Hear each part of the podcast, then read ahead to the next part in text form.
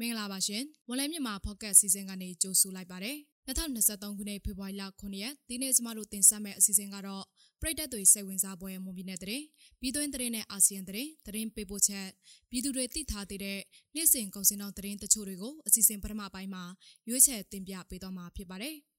ဒါအပြင်မြန်မာနိုင်ငံရေးထောက်ပေါက်ကိုမြန်မာတွေပဲအပြေရှာရမယ်ဆိုတဲ့သတင်းပေးပို့ချက်ကိုလည်းတင်ဆက်ပေးပါမယ်။ဒီကနေ့စီစဉ်မှုကတော့ကျမတော်တာကတာဝန်ယူတင်ဆက်ပေးတော့မှာဖြစ်ပြီးကျမနဲ့သူကိုရတ်မွန်ကသတင်းတွေကိုကူညီဖတ်ကြားပေးတော့မှာပါ။နားဆင်နေကြတဲ့ပရိသတ်အားလုံးကိုမင်္ဂလာပါလို့နှုတ်ခွန်းဆက်သပါရစေ။ကျွန်တော်ကိုရော်မွန်ကသတင်းတွေကိုကူညီဖတ်ကြားပေးသွားမှာဖြစ်ပါတယ်။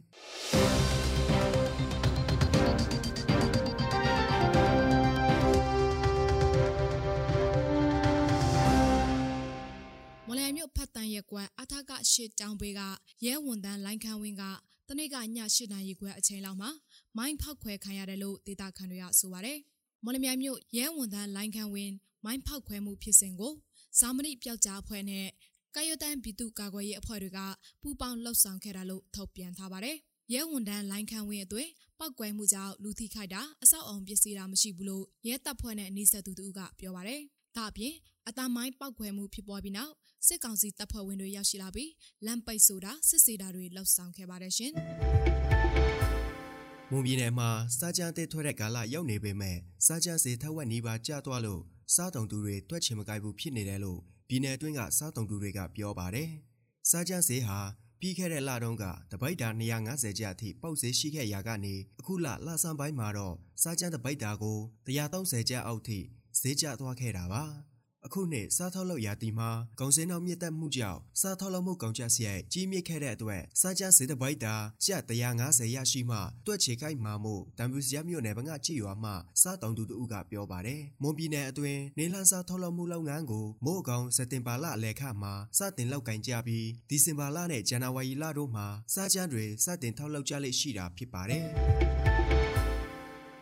ဒီနေ့မနက်ပိုင်းမှာရန်ကုန်မြို့ရှစ်မိုင်လမ်းစုံနီးကဘာအေးဖျားလမ်းပေါ်က MBD အိတ်ချင်းရုံမှာမီးလောင်မှုဖြစ်ပွားခဲ့တယ်လို့သိရပါဗျ။အဲ့ဒီ MBD အိတ်ချင်းရုံဟာဒီကနေ့မနက်10နာရီမိနစ်20လောက်ကမီးစတင်လောင်ကျွမ်းခဲ့တာလို့သိရပါဗျ။အဲ့ဒီလို MBD ရုံမှာမီးလောင်ကျွမ်းမှုဖြစ်ခဲ့တာကြောင့် MBD ဖုန်းစင်ကတ် ကိုင်ဆောင်သူတွေအနေနဲ့ဖုန်းခေါ်ဆိုမှုနဲ့အင်တာနက်လိုင်းတွေယာယီပြတ်တောက်မှုဖြစ်ခဲ့တယ်လို့သိရပါဗျ။အဲ့ဒီမီလောင်မှုကိုမြန်မာနိုင်ငံမိသက်တပ်ဖွဲ့ဌာနချုပ်မှမိသက်ရင်တွေမယန်းကုန်းမြို့နယ်မိသက်စခန်းမှမိသက်ရင်တွေထောက်ခွာငိမ့်တက်ခဲ့ကမနက်7:45မိနစ်လောက်မှာမီးငိမ့်တက်နိုင်ခဲ့တယ်လို့မြန်မာနိုင်ငံမိသက်တပ်ဖွဲ့ကထုတ်ပြန်ထားပါတယ်ရှင်။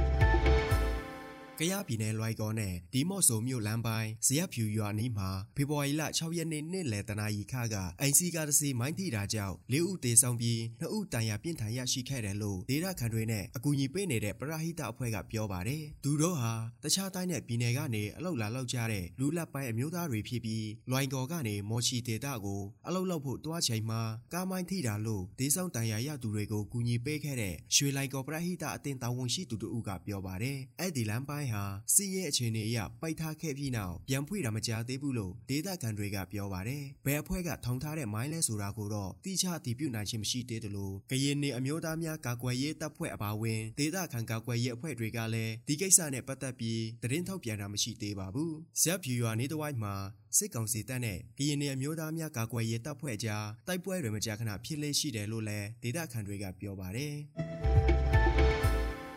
ကုန်မြို့မှာစစ်ကောင်စီနဲ့ရုရှားနိုင်ငံပိုင်အနုမြူစွမ်းအင်ကော်ပိုရေးရှင်းတို့ပူးပေါင်းပြီးနျူကလ িয়ার နည်းပညာတရင်အချက်လက်စင်တာကိုမနေ့ကဖွင့်လှစ်ခဲ့ပါတယ်။အဲ့ဒီစင်တာကိုစစ်ကောင်စီဥက္ကဋ္ဌဗိုလ်ချုပ်မူကြီးမင်းအောင်လှိုင်နဲ့ရုရှားပိုင်အနုမြူစွမ်းအင်ကော်ပိုရေးရှင်းရဲ့ညွှန်ကြားရေးမှူးချုပ်တို့တက်ရောက်ဖွင့်လှစ်ခဲ့တာပါ။ဒီစင်တာမှာဘလို့လုပ်ငန်းတွေကိုလှုပ်ဆောင်မယ်ဆိုတဲ့အသေးစိတ်အချက်လက်တွေကိုတော့သတင်းထုတ်ပြန်ထားတာမရှိသေးပါဘူး။အဲ့ဒီစင်တာတည်ဆောက်ဖို့စစ်ကောင်စီရဲ့တိုက်ပံတဲ့နီးပညာဝန်ကြီးဒေါက်တာမျိုးသိန်းကျော် ရုရှားနိုင်ငံကိုရောက်ရှိချိန်2022ခုနှစ်နိုဝင်ဘာလ18ရက်နေ့မှာနှစ်ဖက်သဘောတူလက်မှတ်ရေးထိုးခဲ့တာပါ။အဲ့ဒီအချိန်ကတော့မြန်မာနိုင်ငံမှာနျူကလ িয়ার ပညာကိုငြိမ်းချမ်းတဲ့ရည်ရွယ်ချက်နဲ့အသုံးပြုနိုင်ရေးကိုပြည်သူလူထုကယုံကြည်လက်ခံဖို့ရည်ရွယ်ပြီးတိစောက်မှလို့ထုတ်ပြန်ခဲ့ပါတယ်။နျူကလ িয়ার စွမ်းအင်ကိုရစစ်တပ်အားထုတ်လုပ်ရေးတိတ်ပံသူတေသနာစေဝါထုတ်လုပ်ရေးနဲ့စက်မှုလုပ်ငန်းတွေအတွက်အသုံးပြုမှလို့လည်းစစ်ကောင်စီကပြောဆိုထားပါတယ်။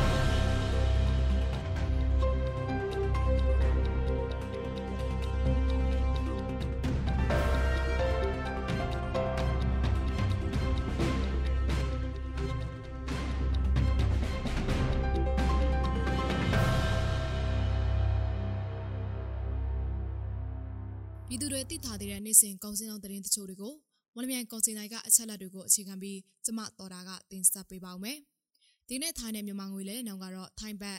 84ကျပ်53ပြားဝယ်စေရှိပြီးတော့ရောင်းစေက85ကျပ်38ပြားရှိနေပါတယ်။ဒေါ်လာဈေးကတော့အမေရိကန်ဒေါ်လာကိုဝယ်စေးမြန်မာငွေ2840ရှိပြီးရောင်းစေးကတော့2855ရှိနေပါတယ်။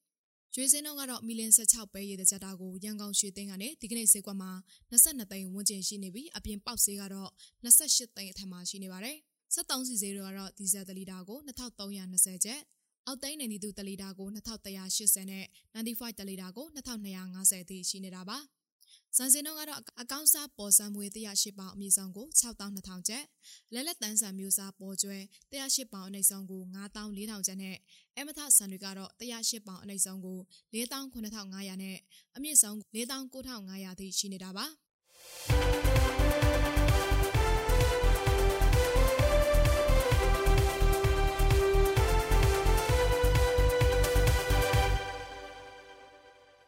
ဆက်ပေးသွားခဲ့တာကတော့ဖေဖော်ဝါရီလ9ရက်နေ့မှာဖြစ်ပျက်ခဲ့တဲ့မွန်ပြည်နယ်သတင်းပြည်တွင်းသတင်းနဲ့အာဆီယံသတင်းတွေပြင်တနေ့တာစီစဉ်ငွေစင်းနဲ့ကုန်စည်နှုန်းတွေကိုတင်ဆက်ပေးတော့ခဲ့တာဖြစ်ပါတယ်။ဆက်လက်ပြီးတော့မြန်မာနိုင်ငံရေးထော့ပေါက်ကိုမြန်မာတွေပဲအပြေရှာရမယ်ဆိုတဲ့သတင်းပေးပို့ချက်ကိုမိနသေးကတင်ဆက်ပေးပါဦးမယ်။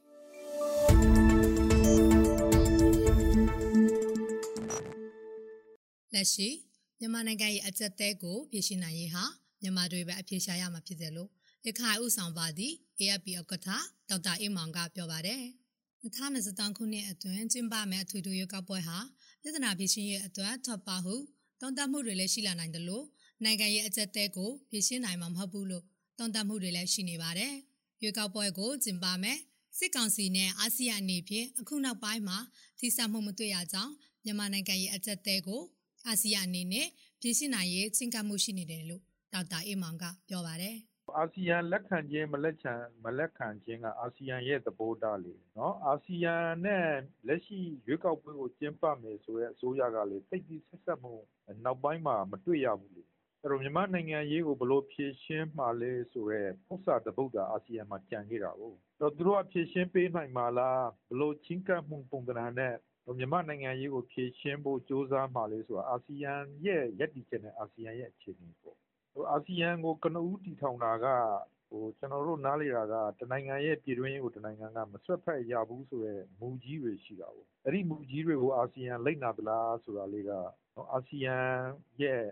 ရပ်တည်ချက်နဲ့ ဆိုင်နေတယ်။မြန်မာ့နိုင်ငံရေးကို အာဆီယံအဖွဲ့ဝင် နိုင်ငံတခုအဖြစ် သတ်မှတ်လို့ ဖြေရှင်းပေးလိုပါတယ်လို့ အာဆီယံဘက်က ပြောရင် မြန်မာ့နိုင်ငံရေးရဲ့ အရွေ့က နော်ဘေးဘက်ကိုသွားနေတယ်လေဘလို့ရွှေ့ရင်ကောင်းမလဲဆိုတာအာဆီယံကိုယ်တိုင်ကပဲဆုံးဖြတ်ပေးရမှာမြန်မာနိုင်ငံရေးနဲ့အာဆီယံဒီတည်းရဲ့မပတ်သက်ဘူးမြန်မာနိုင်ငံရေးကိုမြန်မာတွေကပဲထွက်ပေါက်ဖြစ်ရှာရမှာဖြစ်တယ်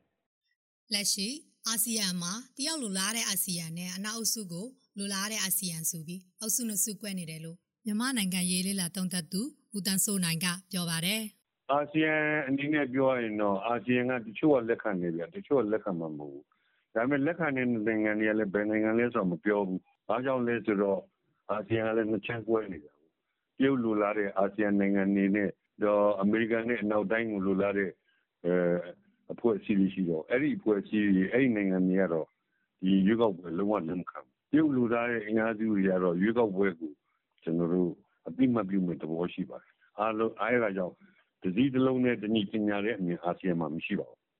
လက်ရှိမှာ ရွေးကောက်ပွဲကျင်းပနိုင်ရေးလူဦးရေစင်းတွေကောက်ခံပြီးဖြစ်သလိုနိုင်ငံရေးပါတီများမှတ်ပုံတင်ပြန်တင်ဖို့ဥပဒေဤဥပဒေတွေလည်းထောက်ပြန်ထားပြီးဖြစ်ပါတယ်2023ခုနှစ်အတွင်းအထွေထွေရွေးကောက်ပွဲကျင်းပပေးမှာဖြစ်ပြီးအနိုင်ရတဲ့နိုင်ငံရေးပါတီကိုနိုင်ငံတော်အာဏာလွှဲအပ်ပေးမှာဖြစ်တယ်လို့စစ်ကောင်စီဥက္ကဋ္ဌကပြောကြားထားပါတယ် ကျွန်တော်တို့ရဲ့မွန်လန်းမြန်မာပေါ့ကတ်အစီအစဉ်ဒီမှာတင်ပြီးဆုံးပါပြီ။နောက်ဆင်ကြတဲ့ပရိသတ်အားလုံးကိုနောက်နေ့အစီအစဉ်တွေမှာဆက်လက်အားပေးကြပါအောင်လို့ဖိတ်ခေါ်ရင်းအစီအစဉ်ကိုအဆုံးသတ်ပါရစေ။အားလုံးကိုကျေးဇူးတင်ပါတယ်ခင်ဗျာ။